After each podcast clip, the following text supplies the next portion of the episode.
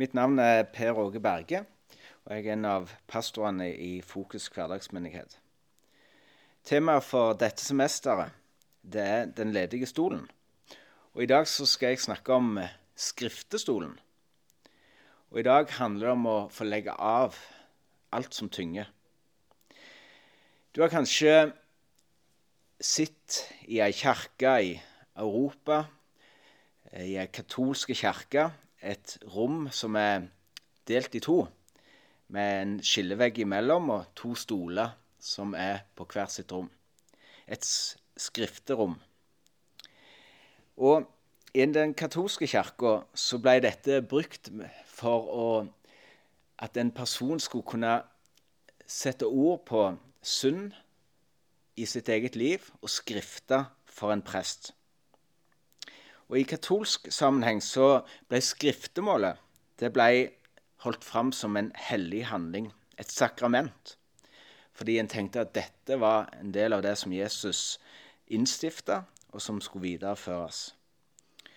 Så kommer reformasjonen på 1500-tallet med Luther, som tar et oppgjør med det som hadde utvikla seg i den katolske kirka til å bli noe som var usunt hvor en la mer vekt på bot og på avlatshandel. En skulle eh, kanskje betale en penge eller et beløp for å redusere sin tid i, i skjærsilden, som en kalte det. Eller en måtte gå på en pilegrimsreise på ulike måter gjøre bot ved sida av det å bekjenne sin synd. Luther han tar et oppgjør med det han tar ikke et oppgjør med selve praksisen med å bekjenne sine synder for Gud og for mennesket. Og kanskje er det en tid for å lufte opp igjen skriftestolen og det å skrifte eller bekjenne synd òg i vår tid. Å skrifte handler om å leve i lyset. Det handler om å bekjenne, altså erkjenne og vedkjenne seg si synd snakke sant om livet. Gjennom skriftemåla, det å få legge av, så kan vi komme med vår skyld, vår skam, vår dårlige samvittighet. Og ikke dekke over, og ikke bortforklare det. Kanskje skriftestolen og det å trenger en reformasjon eller en renessanse i vår tid, i ditt og mitt liv. Kanskje det er noe vi skal lufte høyt, og er kanskje noe av det flotteste som du og jeg kan få gå inn i i vår tid. I 1. Johannes brev, kapittel 1, vers 8-9, så sier Johannes sånn Sier vi at vi ikke har synd, da bedrar vi oss selv, og sannheten er ikke i oss. Men dersom vi bekjenner våre synder, er Han, altså Jesus, trofast og rettferdig, så han tilgir oss syndene og renser oss for all urett. Så sier han, lev i lyset. Gud er lys, det fins ikke mørke i han. Sier vi at vi har fellesskap med han, men vandrer i mørket, da lyver vi og følger ikke sannheten. Men dersom vi vandrer i lyset slik han selv er i lyset, da har vi fellesskap med hverandre, og blodet fra Jesus, hans sønn, renser oss fra all synd. Og Jakob han sier det i brevet sitt.: Bekjenn da syndene for hverandre, og be for hverandre, så dere kan bli helbredet. Jeg vil nå snakke om tre ting som henger tett i sammen. Det første er synd, og det andre er sår, og det andre, tredje, er bindinger. Og synd og sår og bindinger det henger tett i sammen, og det påvirker hverandre. Nå først om synd. Bildet jeg har lyst til å bruke på synd, det er som en kreftsvulst. En kreft, kreftsvulst det sprer dødelige celler i kroppen. Og Jeg har sjøl vært vitne til å sett min egen far leve med kreft i mange år før han døde. Vi trodde kanskje at eh, kreftsvulsten var helt fjerna, men den var ikke det. Og det fikk utvikle seg mer og mer, og en så hvordan kreften sugde livet ut av han. Han ble svakere og svakere og døde til slutt pga. kreft i kroppen. Kong David, han eh, var utro med Batseba.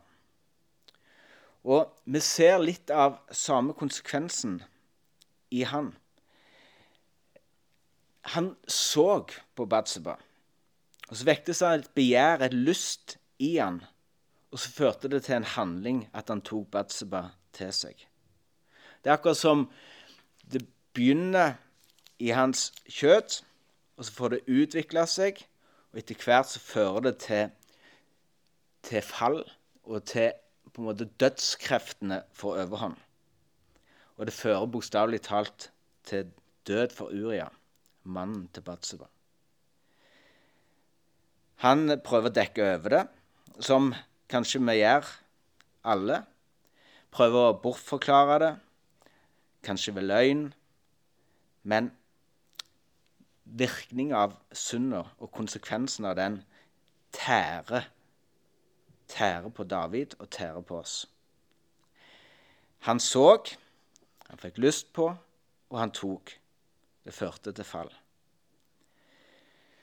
Og han, David sier i Salme 32.: Så lenge jeg tidde om misunnelse, så tærte seg bort. Min livskraft forsvant som i sommerens tørke. Og de hånd, Gud, lå tungt på meg. Og Så kommer Natan, profeten. Så taler han Guds ord, sannhet, inn i livet til David og sier, 'Du er mannen'. Og Det er som det skjer gjennom ånd og sjel og merg og bein til David. Og han kjenner, 'Ja, det er sant. Jeg har synda'. Og Så sier han i vers 5.: Da bekjente jeg min synd for deg, skjulte ikke min skyld, og du tok bort min syndeskyld. Og Det førte til frihet, til ny start, til oppreisning for David. Og han fikk fred. Han fikk ny glede, ny lovsang og en ny mening og retning med livet. Hvordan kan du og jeg løfte fram skriftestolen i vår tid og i vår kultur og i våre fellesskap uten at det trenger å være i ei stor kirke med et eget rom og med et gitter imellom og bekjenne for en prest? Hvordan kan vi gjøre det til en del av vår hverdag, vår rytme? Hvem kan du gå sammen med og leve i lyset sammen med? Hvem kan jeg sette meg ned sammen med, eller gå en tur og få leve i lyset og bekjenne synd sammen med? Hvordan det ser det ut, det kan være forskjellig. Men poenget er å leve i lyset og tørre å bekjenne synd for hverandre og for Gud. Det kan ha en betydelig frigjørende og helsebringende effekt i ditt liv. Og jeg tror det kan være en bevegelse som kan bringe helse og glede og frihet i landet vårt i Norge. Vi ser det f.eks. på en skole som KVS Lyngdal. En hører det fra Bibelskolen på Bildøy eller Framnes videregående skole, og senest nå på Tryggheim. En bevegelse av unge gutter som møtes vekentlig, ukentlig og bekjenner synd for hverandre. Lever i lyset og holder det opp. Det som er vanskelig, og det som en strir med i forhold til synd. Hvor en ber for hverandre, leser Bibelen i sammen, oppmuntrer hverandre og holder hverandre ansvarlige på livet som en lever. Kanskje dette er en bevegelse. Kanskje dette er den nye skriftestolen som kan bli en bevegelse som har stor betydning for ungdommer, ja, for voksne, unge og eldre i landet vårt. Kanskje du skal invitere noen inn i ditt liv til å gå sammen med en medvandrer eller et radarpar, som vi kaller det. En som du kan stole på, og som du kan leve i lyset sammen med. Det andre punktet jeg skal snakke om nå, det er sår. For sunn og sår det henger tett i sammen. Og Av og til så er det gjerne sår som kommer først, som fører til sunn. Og andre ganger er det òg sunn som fører til sår. Du ser bildet, bildet av en gutt som har skada kneet sitt og har et sår med plaster på. Og sånn er det med livet. Vi, fra vi er små til vi blir gamle, så går vi gjennom livet, og det innebærer en risiko for å bli såra. Vi kan bli såra fysisk på kroppen vår, psykisk og åndelig. Og det er helt normalt å bli såra. Og stort sett så leges våre sår. Og når vi ser tilbake, så er det kanskje et arr. Problemet oppstår det oppstår som regel når vi dekker over sår. At vi dekker over og ikke renser det og ikke behandler det med salve. Eller at vi ikke gir det luft. Det kan gå betennelse. Det gror ikke, og det kan gjøre veldig vondt. Og kanskje du òg har opplevd at et sår som er betent, det kan stinke. Lukte veldig ubehagelig. Du og jeg kan bli såra, og vi kan påføre andre sår. Og et mønster som ofte går igjen, det er at såra folk sårer andre. Har du merka det? Og Hvis du sjøl er såra, så har du lett for å såre andre. Når vi voksne blir såra, så er det veldig lett å bli barnslige. Og det merker jeg sjøl for min egen del. Det er akkurat som vi, vi, vi er barnslige og, og oppfører oss ikke som voksne. Og ofte er det kanskje verre med voksne som blir såra og forholder seg til dem, enn til ungene som blir såra, for de er mer rett fram. Og det viser tydelig. Når vi blir såra, så er det kanskje to reaksjonsmønster som går igjen. Det er gjerne flere, men jeg har lyst til å holde fram to. Og Det første er at når en blir såra, så går han rett ut i forsvar, Pigger en ut og kanskje fyrer tilbake med ord og med sinne. Og over tid så kan det utvikle seg til at en kjenner på hat og faktisk òg forakt for det andre mennesket. Det andre reaksjonsmønsteret det kan være at en blir såra og trekker seg tilbake, blir stille i sjølmedlidenhet og tar skylda sjøl og for å få ut litt av trykket, så går vi gjerne og baksnakker vedkommende.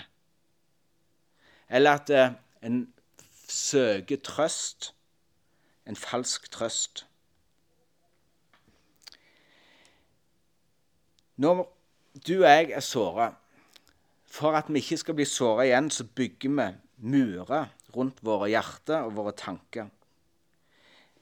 Murer som skaper avstand og som er som maske, som gjør at vi er redde for å bli såra igjen og holde andre vekk ifra oss.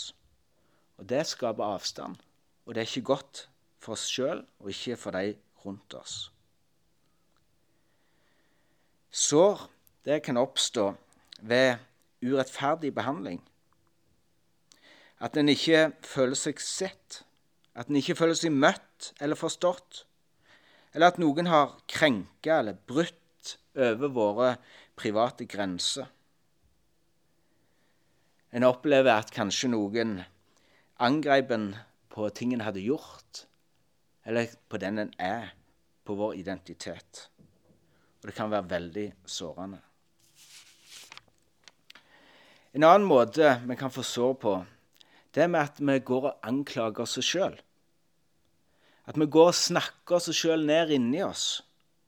Det kan være at du prøvde og gikk høyt ut på et prosjekt eller noe du skulle gjøre, og, og du gleda deg og hadde, var entusiastisk.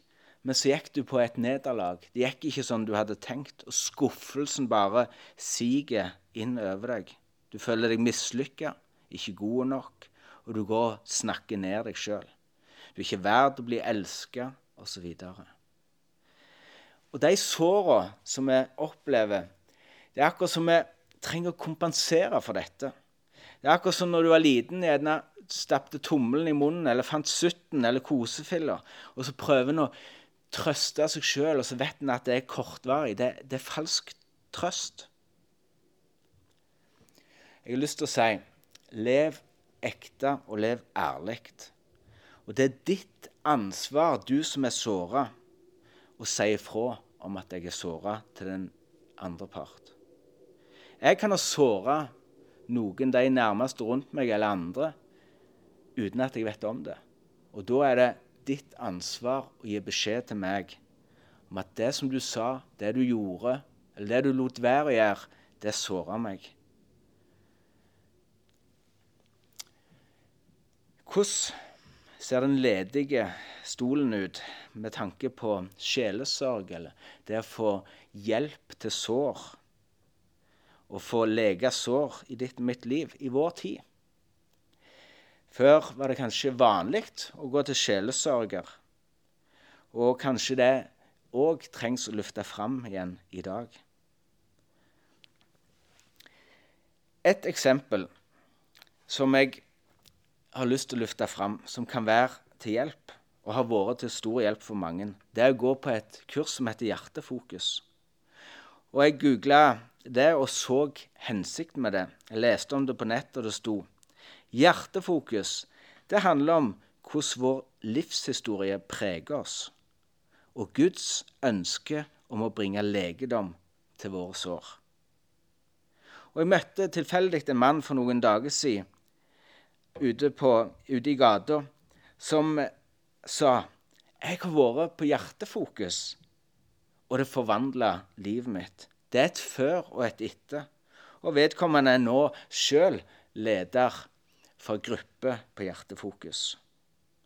Det handler om å investere i tid og ressurser for å lege hjertet, for å lege sår. I Lukas 10, vers 30, så leser vi om en mann som er på vei fra Jerusalem til Jeriko. Og på veien der så blir han slått av røvere.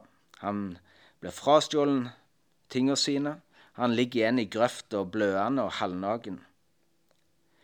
Og på denne veien så er det flere som går forbi. De ser han, men de går bare videre. Men det er en som blir kalt for den barmhjertige samaritan, som ser, og som stopper opp. Som renser såret heller olje i såret hans, løfter han opp på sitt eget esel og tar han med til andre som kan hjelpe han. Han tar med til et herberge og sier til tjeneren der jeg betaler deg to dagslønner for at du skal hjelpe å ta seg av denne mannen, så han kan bli frisk igjen. Og Sånn er det òg med våre liv. Du og jeg ser såre folk rundt oss. Og det kan være fristende å gå forbi og bare se vekk og ikke klare å forholde seg til det. Men jeg har lyst til å oppmuntre til å gå ei mil, gå ei to, kanskje to mil, sammen med et menneske som har det vanskelig. Ansvarliggjøre og hjelpe kanskje til andre som kan hjelpe vedkommende. Det er ikke sikkert at du skal gå så lenge sjøl med vedkommende, men iallfall være med og hjelpe og gå noen skritt og ta med den til andre som kan få hjelp. F.eks. et hjertefokuskurs. Kanskje noen skal være med og investere og betale kurs for andre. Jeg vet ikke. Eller si at eh, 'jeg ser du har det vanskelig'. Jeg vet om en sjelesørger. Jeg vet det koster litt, men jeg er villig til å betale det for at du skal kunne gå der. For Kanskje det kan være en måte å hjelpe hverandre til å komme i kontakt med det vanskelige og få hjelp og bli lekt. Kanskje du skal sjøl oppsøke en som kan hjelpe deg med dine sår og utfordringer i livet. Eller kanskje du er den som skal invitere andre inn til en ledig stol over en kopp kaffe til en samtale sammen med deg.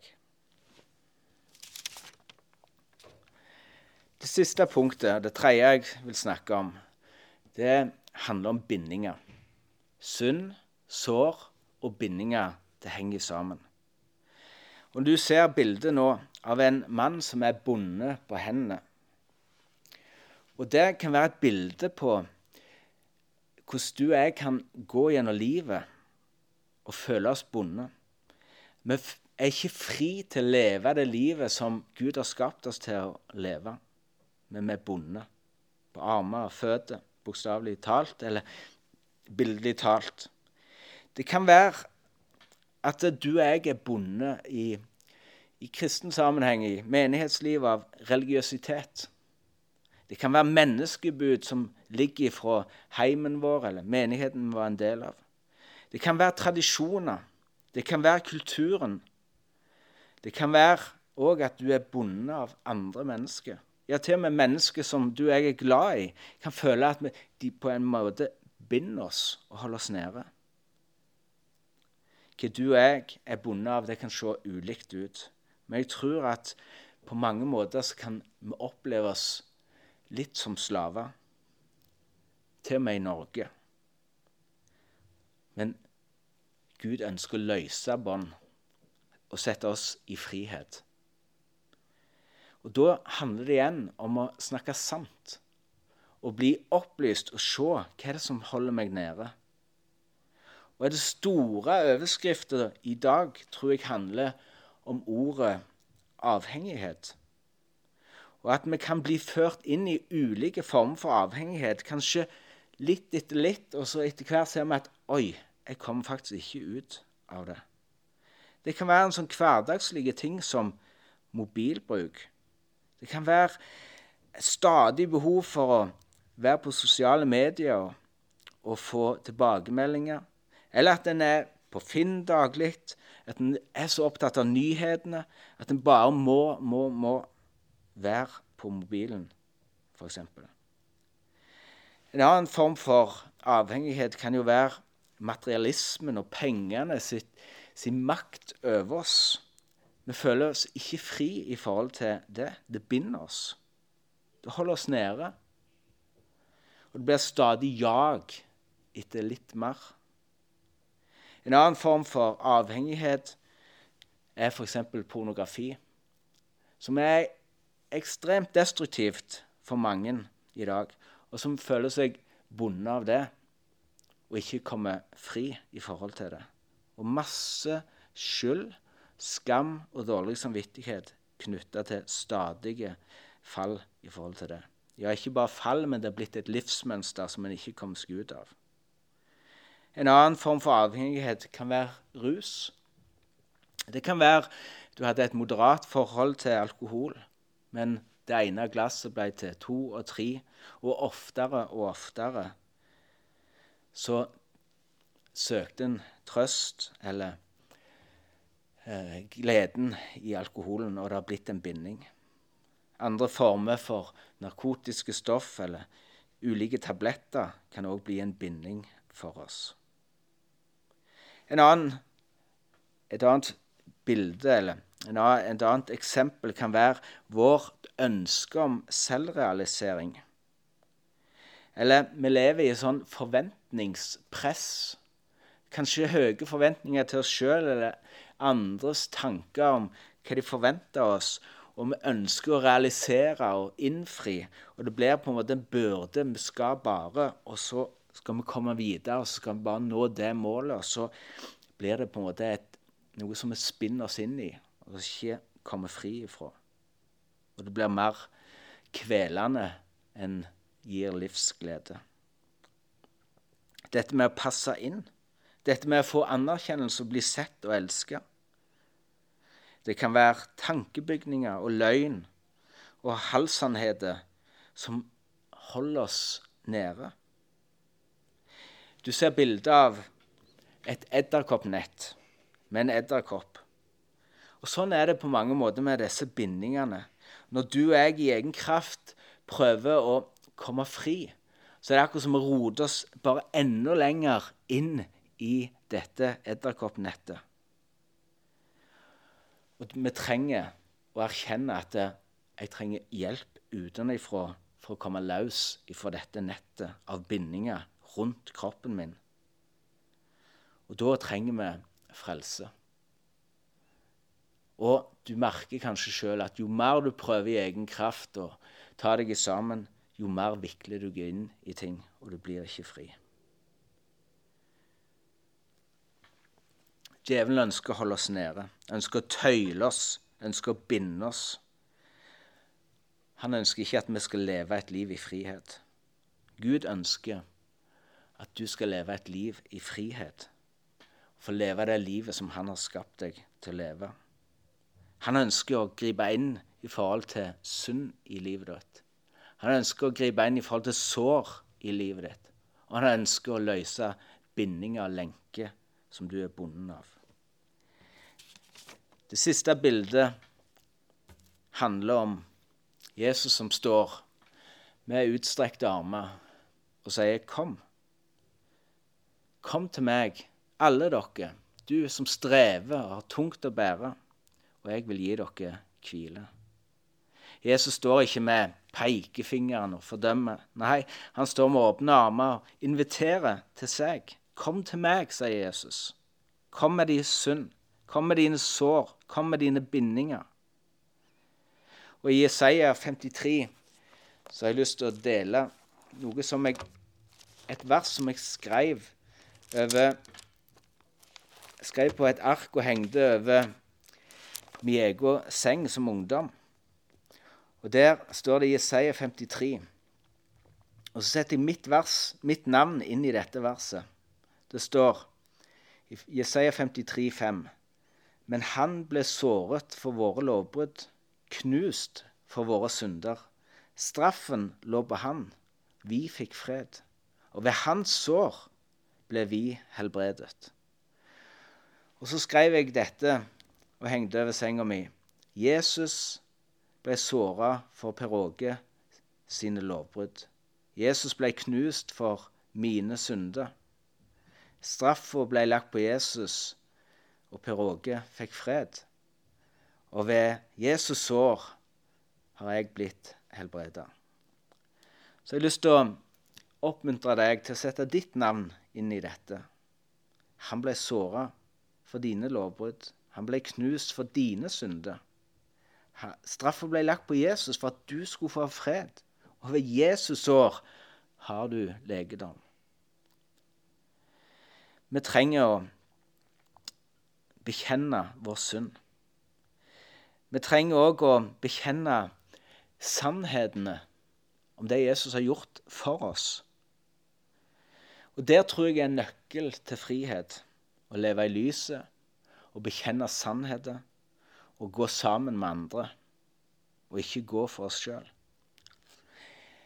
Jeg pleier ofte, særlig når ungene var mindre, men fortsatt òg, og når jeg fyller kanskje opp, og skal, de skal legge seg, og vi snakker litt sammen, og vi ber i sammen, så pleier jeg å avslutte med å tegne korset. Korsets tegn over guttene mine. Og så sier jeg jeg tegner korset over deg som et tegn på at du tilhører Jesus Kristus. Du er korsfesta med Jesus. Du er i dåpen begravd med Jesus og oppreist med han. Du er satt i himmelen med Jesus. Og så sier jeg Jesus er din frelser. Han er din herre. Følg han. Og så minner jeg om pakten og sier alt Jesus sitt er ditt, og alt ditt er Jesus sitt. Og ifra Jesaja 61 til slutt. Igjen Jesus som står og inviterer. En profeti som blir oppfylt når Jesus står i synagogen, åpner Skriftene og leser dette og sier dette om I dag blir dette oppfylt. Han sier Jesaja 61.: Herren, Guds ånd, er over meg. For Herren har salvet meg han har sendt meg for å forkynne et godt budskap for hjelpeløse, for å forbinde den som har et knust hjerte, og rope ut frihet for den som er i fangenskap, og frigjøring for den som er bundet, for å rope ut et nådens år fra Herren. Jeg ser for meg Jesus som står med utstrekte armer og kommer med dette gode budskapet til deg som sliter med synd, sår og bindinger. Så sier han Ennå er det nådetid. Ennå er det tilgivelse, legedom for sår og frihet for deg som er bonden.